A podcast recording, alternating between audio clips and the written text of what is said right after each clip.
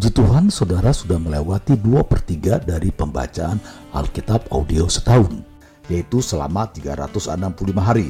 Suatu pembacaan yang disesuaikan dengan jadwal rencana baca dari Back to the Bible Chronological Reading Bible. Tetap semangat untuk terus mendengarkan firman-Nya. Tuhan Yesus memberkati. Inilah mendengarkan firman Tuhan hari ke-258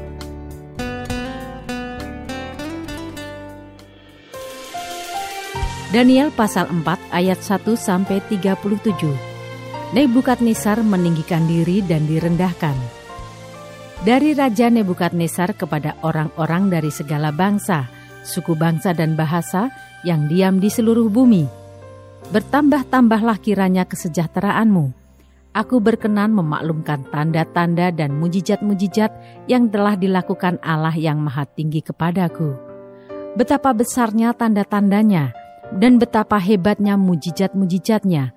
Kerajaannya adalah kerajaan yang kekal dan pemerintahannya turun-temurun. Aku Nebukadnezar diam dalam rumahku dengan tenang dan hidup dengan senang dalam istanaku. Lalu aku mendapat mimpi yang mengejutkan aku dan kayalanku di tempat tidurku serta penglihatan-penglihatan yang kulihat menggelisahkan aku. Maka aku mengeluarkan titah bahwa semua orang bijaksana di Babel harus dibawa menghadap aku, supaya mereka memberitahukan kepadaku makna mimpi itu. Kemudian orang-orang berilmu, ahli jampi, para kasdim, dan ahli nujum datang menghadap dan aku menceritakan kepada mereka mimpi itu, tetapi mereka tidak dapat memberitahukan maknanya kepadaku. Pada akhirnya Daniel datang menghadap aku, yakni Daniel yang dinamai Belcacar, menurut nama dewaku, dan yang penuh dengan roh para dewa yang kudus. Lalu kuceritakan kepadanya mimpi itu.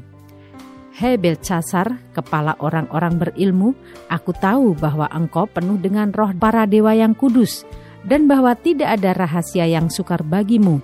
Sebab itu inilah riwayat penglihatan mimpi yang kudapat, maka ceritakanlah kepadaku maknanya. Adapun penglihatan yang kudapat di tempat tidurku itu demikian. Di tengah-tengah bumi ada sebatang pohon yang sangat tinggi. Pohon itu bertambah besar dan kuat, tingginya sampai ke langit dan dapat dilihat sampai ke ujung seluruh bumi. Daun-daunnya indah, buahnya berlimpah-limpah. Padanya ada makanan bagi semua yang hidup. Di bawahnya binatang-binatang di padang mencari tempat bernaung dan di dahan-dahannya bersarang burung-burung di udara dan segala makhluk mendapat makanan daripadanya.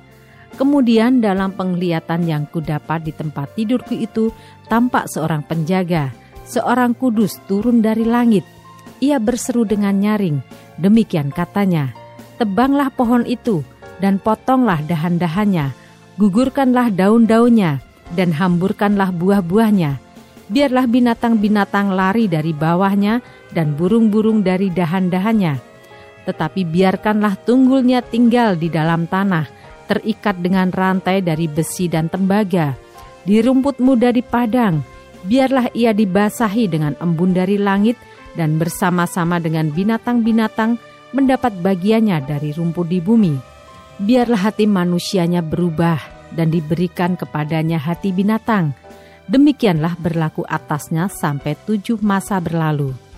Titah ini adalah menurut putusan para penjaga dan hal ini menurut perkataan orang-orang kudus, supaya orang-orang yang hidup tahu bahwa Yang Maha Tinggi berkuasa atas kerajaan manusia dan memberikannya kepada siapa yang dikehendakinya.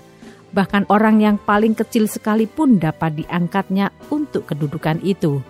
Itulah mimpi yang telah kudapat, aku Raja Nebukadnezar. Sekarang engkau, Belsasar, katakanlah kepadaku maknanya sebab semua orang bijaksana dari kerajaanku tidak dapat memberitahukan maknanya kepadaku, tetapi engkaulah yang sanggup, karena engkau penuh dengan roh para dewa yang kudus. Lalu berdirilah Daniel yang namanya Belsasar, tercengang beberapa saat. Pikiran-pikirannya menggelisahkan dia. Berkatalah raja, Belsasar, janganlah mimpi dan maknanya itu menggelisahkan engkau. Belsasar menjawab, Tuanku, biarlah mimpi itu tertimpa atas musuh tuanku, dan maknanya atas seteru tuanku. Pohon yang tuanku lihat itu, yang bertambah besar dan kuat, yang tingginya sampai ke langit, dan yang terlihat sampai ke seluruh bumi, yang daun-daunnya indah dan buahnya berlimpah-limpah, dan padanya ada makanan bagi semua yang hidup, yang di bawahnya ada binatang-binatang di padang, dan di dahan-dahannya bersarang burung-burung di udara Tuanku lah itu, ya Raja, Tuanku yang telah bertambah besar dan kuat, yang kebesarannya bertambah sampai ke langit, dan yang kekuasaannya sampai ke ujung bumi. Tentang yang Tuanku Raja lihat, yakni seorang penjaga, seorang kudus yang turun dari langit sambil berkata, Tebanglah pohon ini dan binasakanlah dia. Tetapi biarkanlah tunggulnya ada di dalam tanah, terikat dengan rantai dari besi dan tembaga, di rumput muda di padang, dan biarlah ia dibasahi dengan embun dari langit, dan mendapat bagiannya bersama-sama dengan binatang-binatang di padang. Hingga sudah berlaku yang demikian atasnya sampai tujuh masa berlalu. Inilah maknanya, ya Raja, dan inilah putusan yang maha tinggi mengenai Tuanku Raja. Tuanku akan dihalau dari antara manusia, dan tempat tinggal Tuanku akan ada di antara binatang-binatang di padang kepada tuanku akan diberikan makanan rumput seperti kepada lembu, dan tuanku akan dibasahi dengan embun dari langit. Dan demikianlah akan berlaku atas tuanku sampai tujuh masa berlalu, hingga tuanku mengakui bahwa yang maha tinggi berkuasa atas kerajaan manusia dan memberikannya kepada siapa yang dikehendakinya. Yang dikatakan tentang membiarkan tunggul pohon itu berarti kerajaan tuanku akan kembali tuanku pegang segera sesudah tuanku mengakui bahwa surgalah yang mempunyai kekuasaan. Jadi ya Raja, biarlah nasihatku berkenan pada hati tuanku. Lepaskanlah diri tuanku daripada dosa dengan melakukan keadilan dan daripada kesalahan dengan menunjukkan belas kasihan terhadap orang yang tertindas. Dengan demikian, kebahagiaan tuanku akan dilanjutkan. Semuanya itu terjadi atas Raja Nebukadnezar, sebab setelah lewat 12 bulan, ketika ia sedang berjalan-jalan di atas istana raja di Babel, berkatalah raja, Bukankah itu Babel yang besar itu, yang dengan kekuatan kuasaku dan untuk kemuliaan kebesaranku telah kubangun menjadi kota kerajaan? Raja belum habis bicara ketika suatu suara terdengar dari langit – Kepadamu dinyatakan, ya Raja Nebukadnezar, bahwa kerajaan telah beralih daripadamu. Engkau akan dihalau dari antara manusia, dan tempat tinggalmu akan ada di antara binatang-binatang di padang. Kepadamu akan diberikan makanan rumput seperti kepada lembu, dan demikianlah akan berlaku atasmu sampai tujuh masa berlalu, hingga engkau mengakui bahwa yang maha tinggi berkuasa atas kerajaan manusia, dan memberikannya kepada siapa yang dikehendakinya. Pada saat itu juga terlaksanalah perkataan itu atas Nebukadnezar, dan ia dihalau dari antara manusia, dan makan rumput seperti lembu, dan tubuhnya basah oleh embun dari langit, sampai rambutnya menjadi panjang seperti bulu burung Raja Wali, dan kukunya seperti kuku burung. Tetapi setelah lewat waktu yang ditentukan, Aku Nebukadnezar menengadah ke langit dan akal budiku kembali lagi kepadaku. Lalu aku memuji yang maha tinggi dan membesarkan dan memuliakan yang hidup kekal itu, karena kekuasaannya ialah kekuasaan yang kekal dan kerajaannya turun-temurun. Semua penduduk bumi dianggap remeh. Ia berbuat menurut kehendaknya terhadap bala tentara langit dan penduduk bumi dan tidak ada seorang pun yang dapat menolak tangannya dengan berkata kepadanya, "Apa yang kau buat?" Pada waktu akal budiku kembali kepadaku, kembalilah juga kepadaku kebesaran dan kemuliaanku untuk kemasyuran kerajaanku.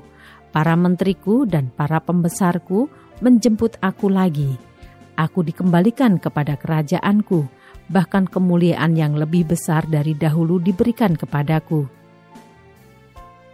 jadi sekarang aku, Nebukadnezar, memuji, meninggikan, dan memuliakan Raja Surga yang segala perbuatannya adalah benar dan jalan-jalannya adalah adil, dan yang sanggup merendahkan mereka yang berlaku congkak.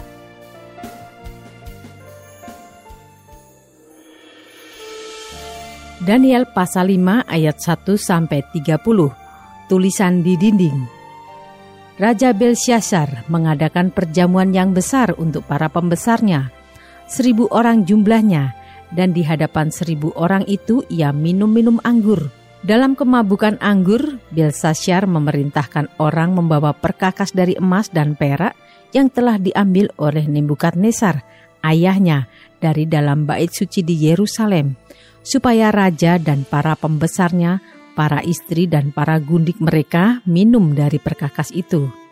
Kemudian dibawalah perkakas dari emas dan perak itu yang diambil dari dalam bait suci, rumah Allah di Yerusalem. Lalu raja dan para pembesarnya, para istri dan para gunduk mereka minum dari perkakas itu. Mereka minum anggur dan memuji-muji dewa-dewa dari emas dan perak, tembaga, besi, kayu dan batu pada waktu itu juga tampaklah jari-jari tangan manusia menulis pada kapur dinding istana raja di depan kaki Dian dan raja melihat punggung tangan yang sedang menulis itu. Lalu raja menjadi pucat dan pikiran-pikirannya menggelisahkan dia. Sendi-sendi pangkal pahanya menjadi lemas dan lututnya berantukan. Kemudian berserulah raja dengan keras, supaya para ahli jampi, para kasdim, dan para ahli nujum dibawa menghadap. Berkatalah raja kepada para orang bijaksana di Babel itu, setiap orang yang dapat membaca tulisan ini dan dapat memberitahukan maknanya kepadaku, kepadanya akan dikenakan pakaian dari kain ungu dan lehernya akan dikalungkan rantai emas, dan di dalam kerajaanku ia akan mempunyai kekuasaan sebagai orang ketiga.' Tetapi semua orang bijaksana dari raja yang telah datang menghadap tidak sanggup membaca tulisan itu dan tidak sanggup memberitahukan maknanya kepada raja. Sesudah itu sangatlah cemas hati Raja Belshazzar dan ia menjadi pucat. Juga para pembesarnya terperanjat. Karena perkataan raja dan para pembesarnya itu, masuklah permaisuri ke dalam ruang perjamuan. Berkatalah ia, Ya Raja, kekallah hidup tuanku.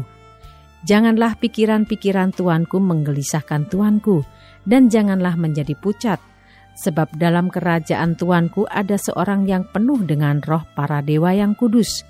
Dalam zaman ayah tuanku ada terdapat pada orang itu kecerahan, akal budi, dan hikmat yang seperti hikmat para dewa. Ia telah diangkat oleh Raja Nebukadnezar ayah tuanku menjadi kepala orang-orang berilmu, para ahli jampi, para kasdim dan para ahli nujum. Karena pada orang itu terdapat roh yang luar biasa dan pengetahuan dan akal budi, sehingga dapat menerangkan mimpi, menyingkapkan hal-hal yang tersembunyi, dan menguraikan kekusutan, yakni pada Daniel yang dinamai Belsasar oleh raja. Baiklah sekarang Daniel dipanggil dan ia akan memberitahukan maknanya. Lalu dibawalah Daniel menghadap raja. Bertanyalah raja kepada Daniel, "Engkaukah Daniel itu, salah seorang buangan yang telah diangkut oleh raja, ayahku dari tanah Yehuda? Telah ku dengar tentang engkau, bahwa engkau penuh dengan roh para dewa, dan bahwa padamu terdapat kecerahan, akal budi, dan hikmat yang luar biasa." Kepadaku telah dibawa orang-orang bijaksana, para ahli jampi, supaya mereka membaca tulisan ini dan memberitahukan maknanya kepadaku. Tetapi mereka tidak sanggup mengatakan makna perkataan itu.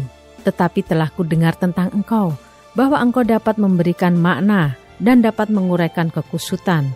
Oleh sebab itu, jika engkau dapat membaca tulisan itu dan dapat memberitahukan maknanya kepadaku, maka kepadamu akan dikenakan pakaian dari kain ungu dan pada lehermu akan dikalungkan rantai emas. Dan dalam kerajaan ini engkau akan mempunyai kekuasaan sebagai orang ketiga. Kemudian Daniel menjawab raja, Tahanlah hadiah tuanku, berikanlah pemberian tuanku kepada orang lain. Namun demikian aku akan membaca tulisan itu bagi raja, dan memberitahukan maknanya kepada tuanku. Ya tuanku raja, Allah yang maha tinggi telah memberikan kekuasaan sebagai raja, kebesaran, kemuliaan dan keluhuran kepada Nebukadnezar, ayah tuanku. Dan oleh karena kebesaran yang telah diberikannya kepadanya itu, maka takut dan gentarlah terhadap dia orang-orang dari segala bangsa, suku bangsa dan bahasa. Dibunuhnya siapa yang dikehendakinya, dan dibiarkannya hidup siapa yang dikehendakinya. Ditinggikannya siapa yang dikehendakinya, dan direndahkannya siapa yang dikehendakinya. Tetapi ketika ia menjadi tinggi hati dan keras kepala, sehingga berlaku terlalu angkuh, maka ia dijatuhkan dari tahta kerajaannya, dan kemuliaannya diambil daripadanya. Ia dihalau dari antara manusia, dan hatinya menjadi sama seperti hati binatang, dan tempat tinggalnya ada di antara keledai hutan. Kepadanya diberikan makanan rumput seperti kepada lembu, dan tubuhnya basah oleh embun dari langit, sampai ia mengakui bahwa Allah yang Maha Tinggi berkuasa atas kerajaan manusia dan mengangkat siapa yang dikehendakinya untuk kedudukan itu. Tetapi tuanku Belshazzar anaknya tidak merendahkan diri, walaupun tuanku mengetahui semuanya ini Tuanku meninggikan diri terhadap yang berkuasa di sorga. Perkakas dari baitnya dibawa orang kepada tuanku. Lalu tuanku serta para pembesar tuanku, para istri dan para gundik tuanku telah minum anggur dari perkakas itu.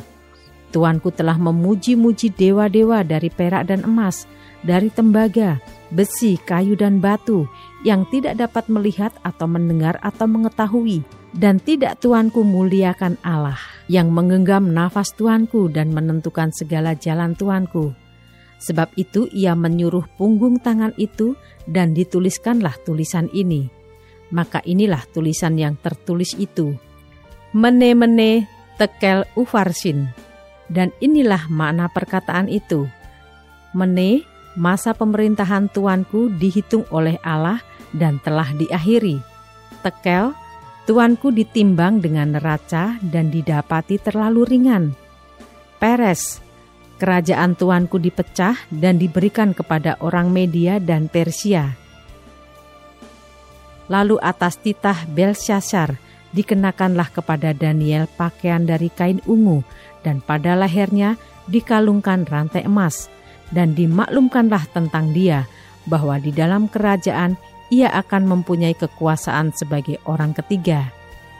Pada malam itu juga terbunuhlah Belshazzar, raja orang Kasdim itu. Daniel pasal 6 ayat 1 sampai 29. Gua Singa. Darius orang Media menerima pemerintahan ketika ia berumur 62 tahun. Lalu berkenanlah Darius mengangkat 120 wakil-wakil raja atas kerajaannya. Mereka akan ditempatkan di seluruh kerajaan. Membawahi mereka diangkat pula tiga pejabat tinggi.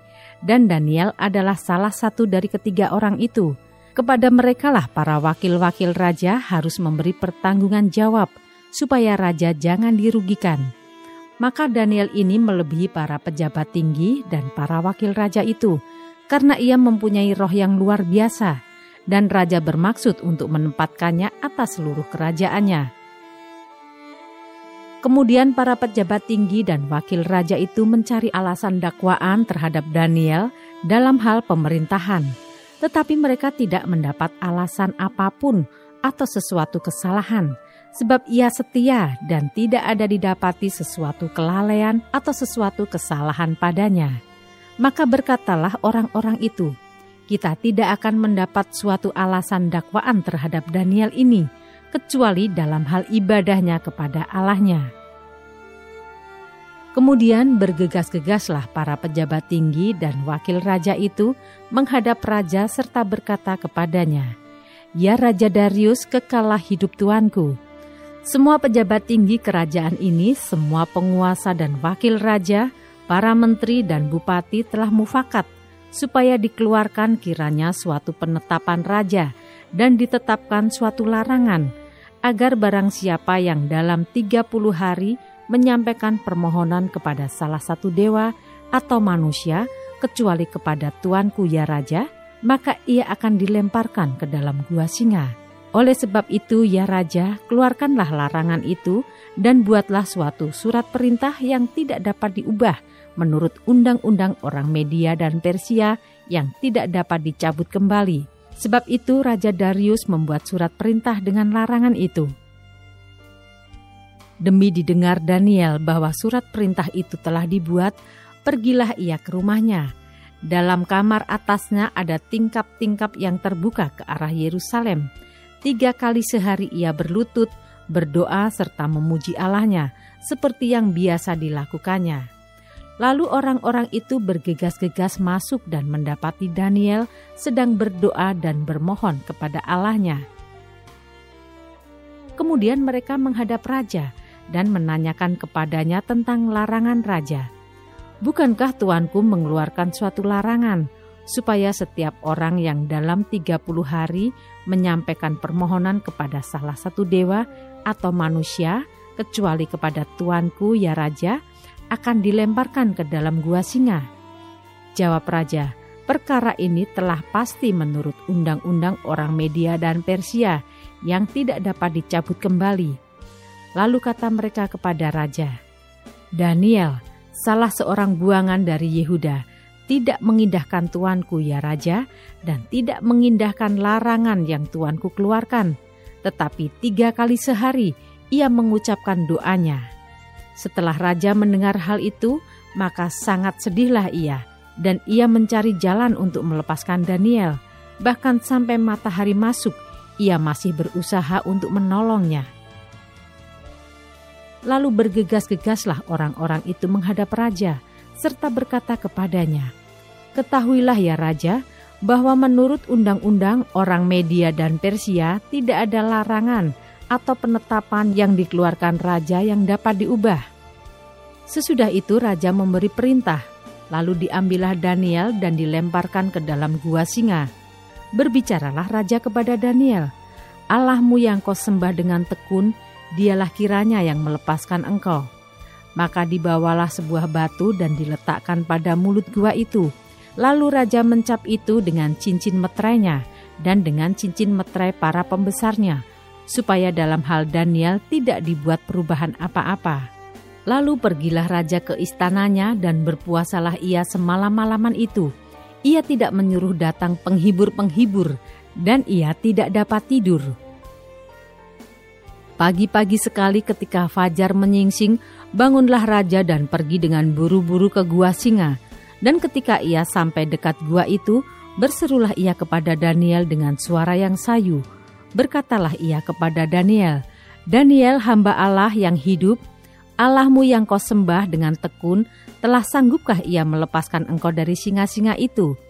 Lalu kata Daniel kepada raja, Ya raja, kekalah hidupmu.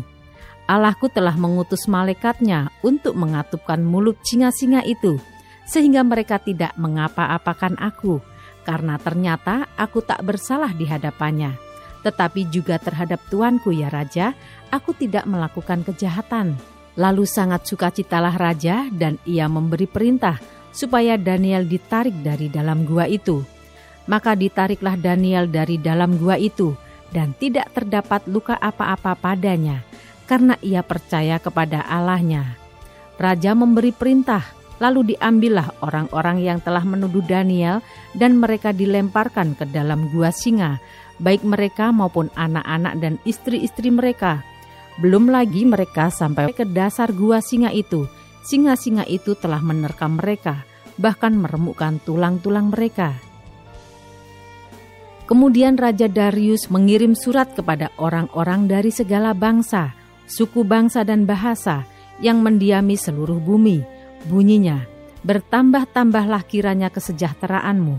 Bersama ini kuberikan perintah bahwa di seluruh kerajaan yang kukuasai, orang harus takut dan gentar kepada Allahnya Daniel, sebab dialah Allah yang hidup, yang kekal untuk selama-lamanya. Pemerintahannya tidak akan binasa dan kekuasaannya tidak akan berakhir.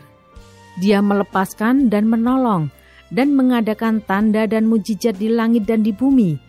Dia yang telah melepaskan Daniel dari cengkraman singa-singa Dan Daniel ini mempunyai kedudukan tinggi pada zaman pemerintahan Darius dan pada zaman pemerintahan Kores, orang Persia itu. Tetap semangat, teruskanlah mendengarkan firman Tuhan. Sampai jumpa esok hari.